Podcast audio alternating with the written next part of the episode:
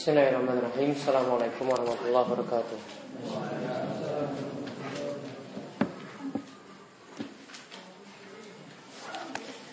Alhamdulillahirrahmanirrahim Wassalatu wassalamu ala ashrafil anbiya wal mursalin Nabiina wa sayyidina Muhammadin wa ala alihi wa sahbihi ajma'in Allahumma anfa'na bima alamtana Wa alimna ma yanfa'una wa zidna ilma Baik uh, para jamaah Bapak Ibu sekalian yang semoga selalu dirahmati oleh Allah Subhanahu wa taala. Kita bersyukur pada Allah atas nikmat alam karunia yang telah Allah anugerahkan kepada kita sekalian sehingga pada malam hari ini kita dapat melanjutkan kajian rutin kita dari pembahasan masail jahiliyah dan bulughul maram, pembahasan kitab muamalah atau tentang masalah jual beli sampai pada pembahasan wakaf. Baik kita lihat masail jahiliyah al-mas'alah as-saminatu wa tis'un. Masail yang ke-98.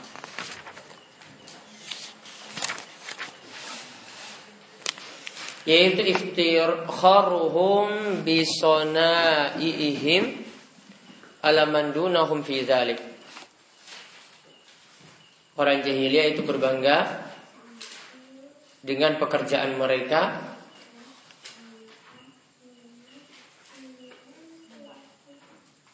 dan merasa di atas dari orang-orang yang berada di bawah mereka dalam hal pekerjaan. Yaitu kata Syekh Muhammad bin Abdul Wahab Al-iftikharu bisona'i Kafi'ili ahli ahli rihalatain ala ahli harf Yaitu orang jahiliyah itu berbangga dengan pekerjaan mereka Seperti Rihlatain Orang yang biasa melakukan rihla untuk dagang Orang yang biasa melakukan rihla untuk dagang Yaitu para pedagang itu lebih merasa di atas dibandingkan dengan ahli harsi para petani. Ini dalam masalah pekerjaan, kalau berbangga dengan pekerjaan yang satu, merasa di atas dari pekerjaan yang lain, maka ini adalah sifat jahiliyah. Dikatakan oleh Sesal Fauzan, contohnya misalnya at-tajir yaftakharu bi tijaratihi alal harfi yaitu para pedagang ada yang berbangga dengan dagangannya itu daripada orang yang berprofesi rendahan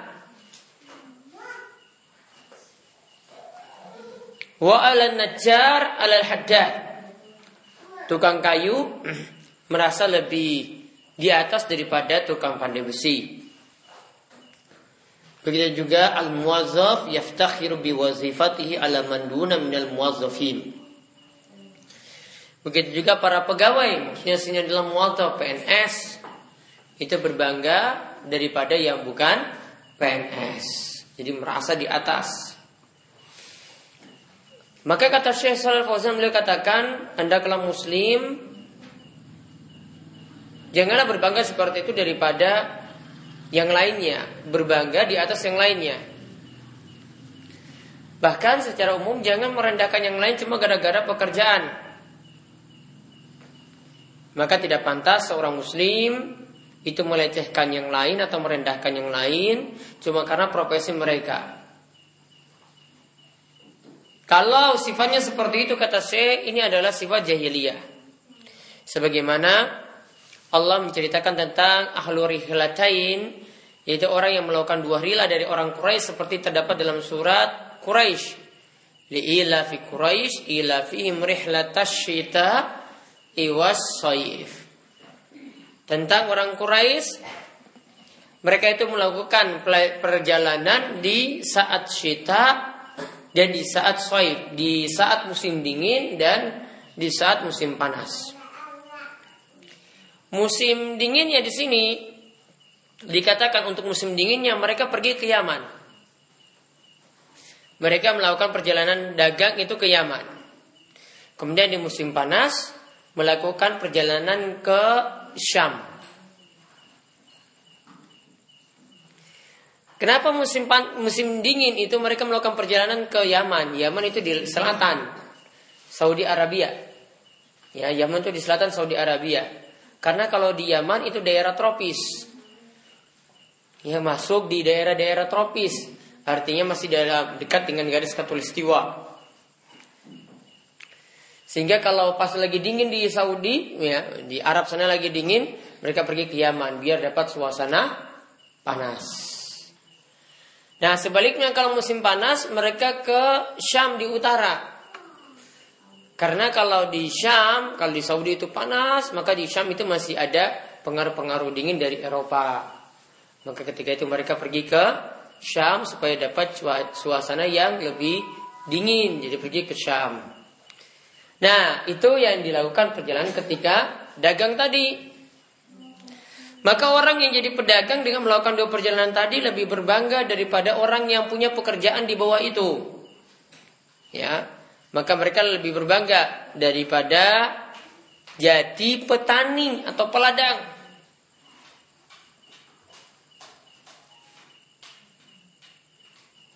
Nah ini yang terjadi di masa silam.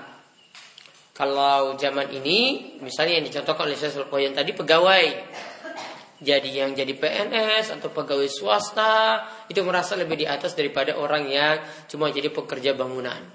Jika berbangga seperti itu, ini namanya berbangga dalam hal-hal jahiliyah.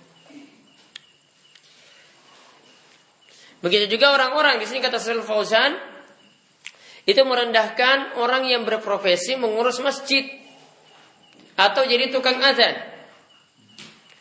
Padahal menjadi pengurus masjid atau tukang azan tadi itu pekerjaan yang mulia. Bahkan inilah amalan Rasul Shallallahu Alaihi Wasallam. Maka pekerjaan muazin juga demikiannya pekerjaan yang mulia. Maka itu lebih mulia daripada pekerjaan yang lainnya sebenarnya bahkan lebih mulia daripada orang menjadi menteri. Ya, dikatakan oleh Rasul Fauzan, ini lebih mulia daripada orang menjadi menteri. Intinya lebih mulai pada berbagai macam pekerjaan yang lainnya karena ini pekerjaan akhirat yang dia urus.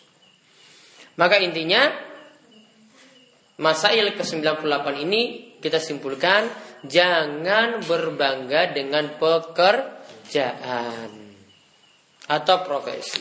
Kemudian masail ke-99 Al-mas'alatu tasi'atu wa tis'un.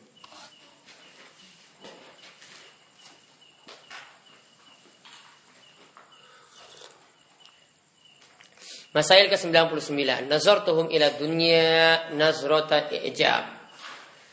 Mereka memandang dunia dengan begitu takjub.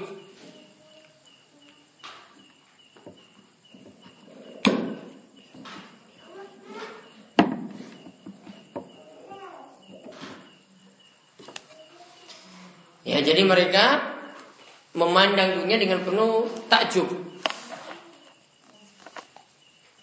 Ini kata Syekh Muhammad bin Abdul Wahab Azumatul dunya fi kulubihim. Mereka agungkan dunia di hati mereka. Ini seperti firman Allah Subhanahu wa taala, "Wa qalu laula nuzila hadzal Qur'anu ala rajulin minal qaryataini azim." Disebutkan dalam surat Zukhruf ayat ke-31 Allah berfirman dan mereka berkata seandainya Al-Quran itu tidak diturunkan kepada seseorang dari dua kampung yang tadi.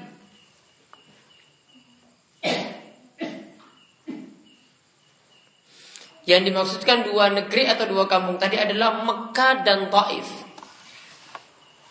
Ya Mekah dan Taif. Taif itu dekat Mekah. Ya kira-kira satu jam atau satu setengah jam lah dari Taif ke Mekah. Yaitu maksudnya di sini di antara sifat jahiliyah adalah berbangga adalah membanggakan dunia dalam hati mereka. Jadi dunia itu dirasa begitu aziz, begitu mulia di sisi mereka. Sehingga orang yang tidak memiliki dunia ya, ini dianggap sebagai orang yang hina atau orang rendahan.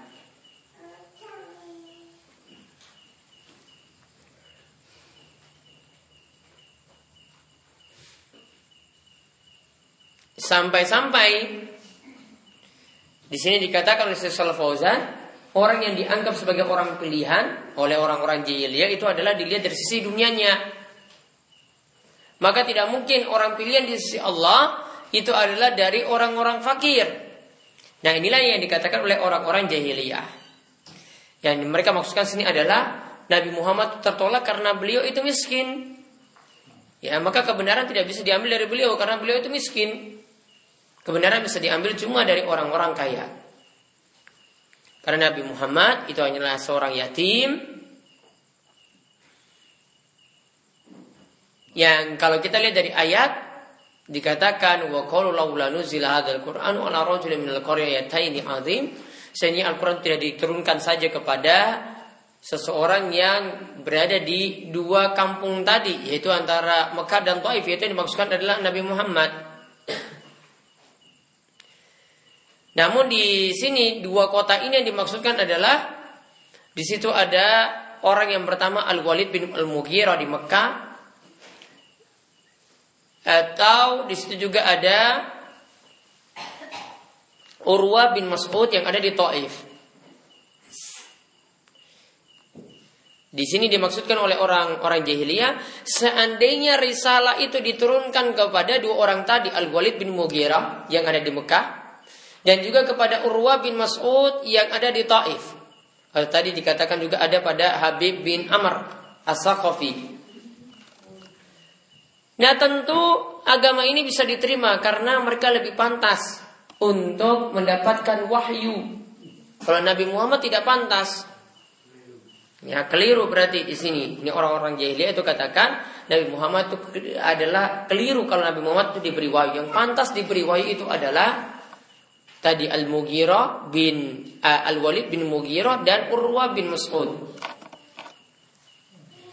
Nah, ini sama seperti orang-orang Syiah itu katakan wahyu itu tidak tepat diberikan kepada Nabi Muhammad. Jibril itu salah beri wahyu. Ini sama seperti ini maksud ayat ini. Kalau di sini Orang-orang jahiliyah, orang-orang musyrik itu katakan wahyu lebih pantas diberikan kepada Al-Walid bin Mughirah dan Urwa bin Mas'ud. Maka Allah katakan ahum yaksimuna rahmat rabbik apakah mereka yang membagi rahmat Rabbmu? Kok mereka bisa campur tangan dalam urusan urusan Allah Subhanahu wa taala? Kok masih ragu tentang pembagian Allah Subhanahu wa taala Allah a'lamu haitsu yaj'alu risalatah. Padahal Allah lah yang maha tahu di manakah risalah itu pantas untuk diberikan pada seseorang. Maka intinya di sini sifat jahiliyah yang ingin diterangkan di sini adalah orang-orang itu begitu takjub pada dunia sehingga standar kebenaran wahyu itu lebih pantas diberikan kepada orang yang dapat dunia. Kemudian masail yang terakhir kita bahas di antara sifat jahiliyah adalah al-istidrak wal iktirah Allah. Protes dan mau mengajukan usulan pada Allah. Jadi mereka protes pada Allah dan juga mau mengusulkan eh, Allah harusnya seperti ini. Ini sifat jahiliyah seperti itu. Ini sama seperti sifat orang-orang liberal. Syariat itu tidak pas. Harusnya waris itu bukan laki-laki dan perempuan, laki-laki lebih banyak pada perempuan harusnya sama. Jadi mereka protes pada Allah. Nganggap Allah tidak pas dalam menentukan hukum. Maka kata saya Salih Al-Fauzan, eh, kata saya Muhammad Abdul Wahab dulu beliau katakan at-tahakkum Allah.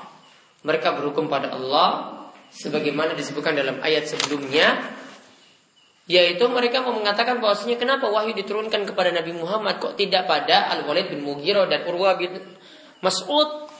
Itu tidak pas kalau diberikan kepada Nabi Muhammad. Jadi mereka protes pada Allah. Jadi penadilannya sama seperti dalil sebelumnya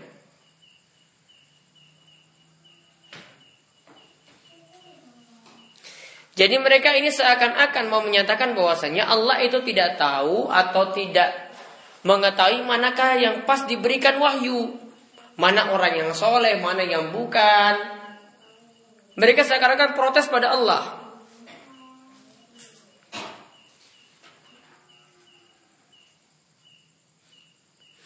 Sama seperti mereka katakan tentang Al-Quran juga. Orang-orang jahiliyah itu katakan tentang Al-Quran. Bagaimana Allah bisa membuat Al-Quran itu turun berangsur-angsur. Kenapa tidak turun sekali saja langsung. Mereka seakan-akan protes. Mau mengajukan usulan pada Allah. Allah itu baiknya. Ini Al-Quran diturunkan langsung saja. Kenapa dipisah-pisah? Kenapa berangsur-angsur turunnya? Maka dijawablah oleh Allah Subhanahu wa taala kenapa Al-Quran itu diturun secara berangsur-angsur. Allah katakan, Kazalika linusabbitu bihi fuada waratalnahu tartila. Demikianlah kami ingin mengokohkan hati hatimu dan membuatmu bisa membaca Al-Quran itu dengan tartil. Wala ya'tunaka bi masalin illa ji'naka bil haqqi wa asna tafsira. Dan mereka tidak mendatangimu dengan yang semisal itu, dengan semisal Al-Quran, yaitu membawa kebenaran dan membawa tafsiran yang baik.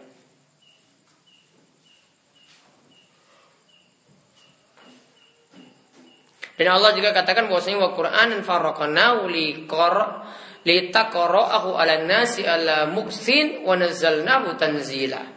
Dan Al-Qur'an itu kami turunkan secara bertahap-tahap kepada manusia yaitu dengan pelan-pelan tanzila. Dan kami benar-benar menurunkannya.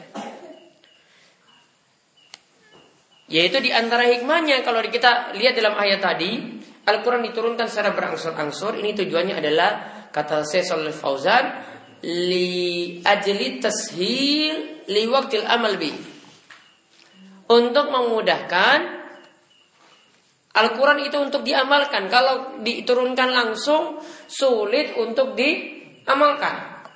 Maka diturunkanlah secara berangsur-angsur. Jadi intinya, lau, walau uh, kalau Al-Quran diturunkan secara langsung, maka kata Salafausan, mas tatoan nas wal amal bihi.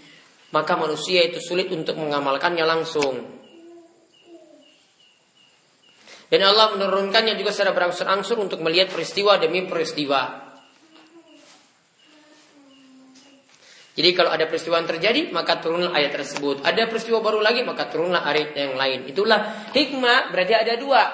Ada dua hikmah kenapa Al-Quran diturunkan secara berangsur-angsur. Ada dua hikmah kenapa Al-Quran diturunkan secara berangsur-angsur. Yang pertama tadi apa? Mudah untuk diamalkan. Yang kedua, disesuaikan dengan peristiwa-peristiwa. Jadi itu hikmahnya. Jadi jangan banyak protes.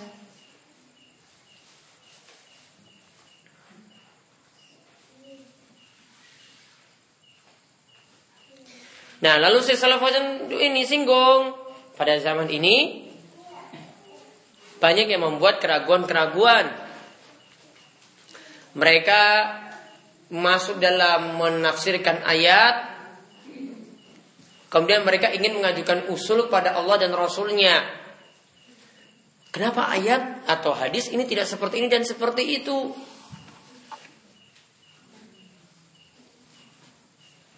Padahal Allah Subhanahu wa taala sudah katakan dalam surat Al-Hujurat ayat pertama, "Ya ayyuhalladzina amanu la tuqaddimu baina yadayillahi wa rasuli." Wahai orang beriman, janganlah kalian itu mendahului Allah dan Rasulnya. Maksudnya di sini adalah janganlah berbangga dengan Allah dan Rasulnya. Tetaplah kalian itu beriman, beramal dengan apa yang Allah turunkan tanpa perlu mengajukan usulan atau protes pada apa yang sudah Allah tetapkan. Berarti kalau sifat dari orang-orang liberal saat ini yang banyak mengajukan usulan seperti itu berarti ini cuma mewarisi pemahaman jahiliyah dari Abu Jahal, Abu Lahab dahulu. Mereka banyak protes seperti itu. Ya, jadi intinya kalau hukum sudah ada seperti tadi, tugas kita untuk jalankan. Jangan terlalu banyak protes. Pokoknya sami'na wa Kalau alam itu pembahasan masa ilul jahiliyah.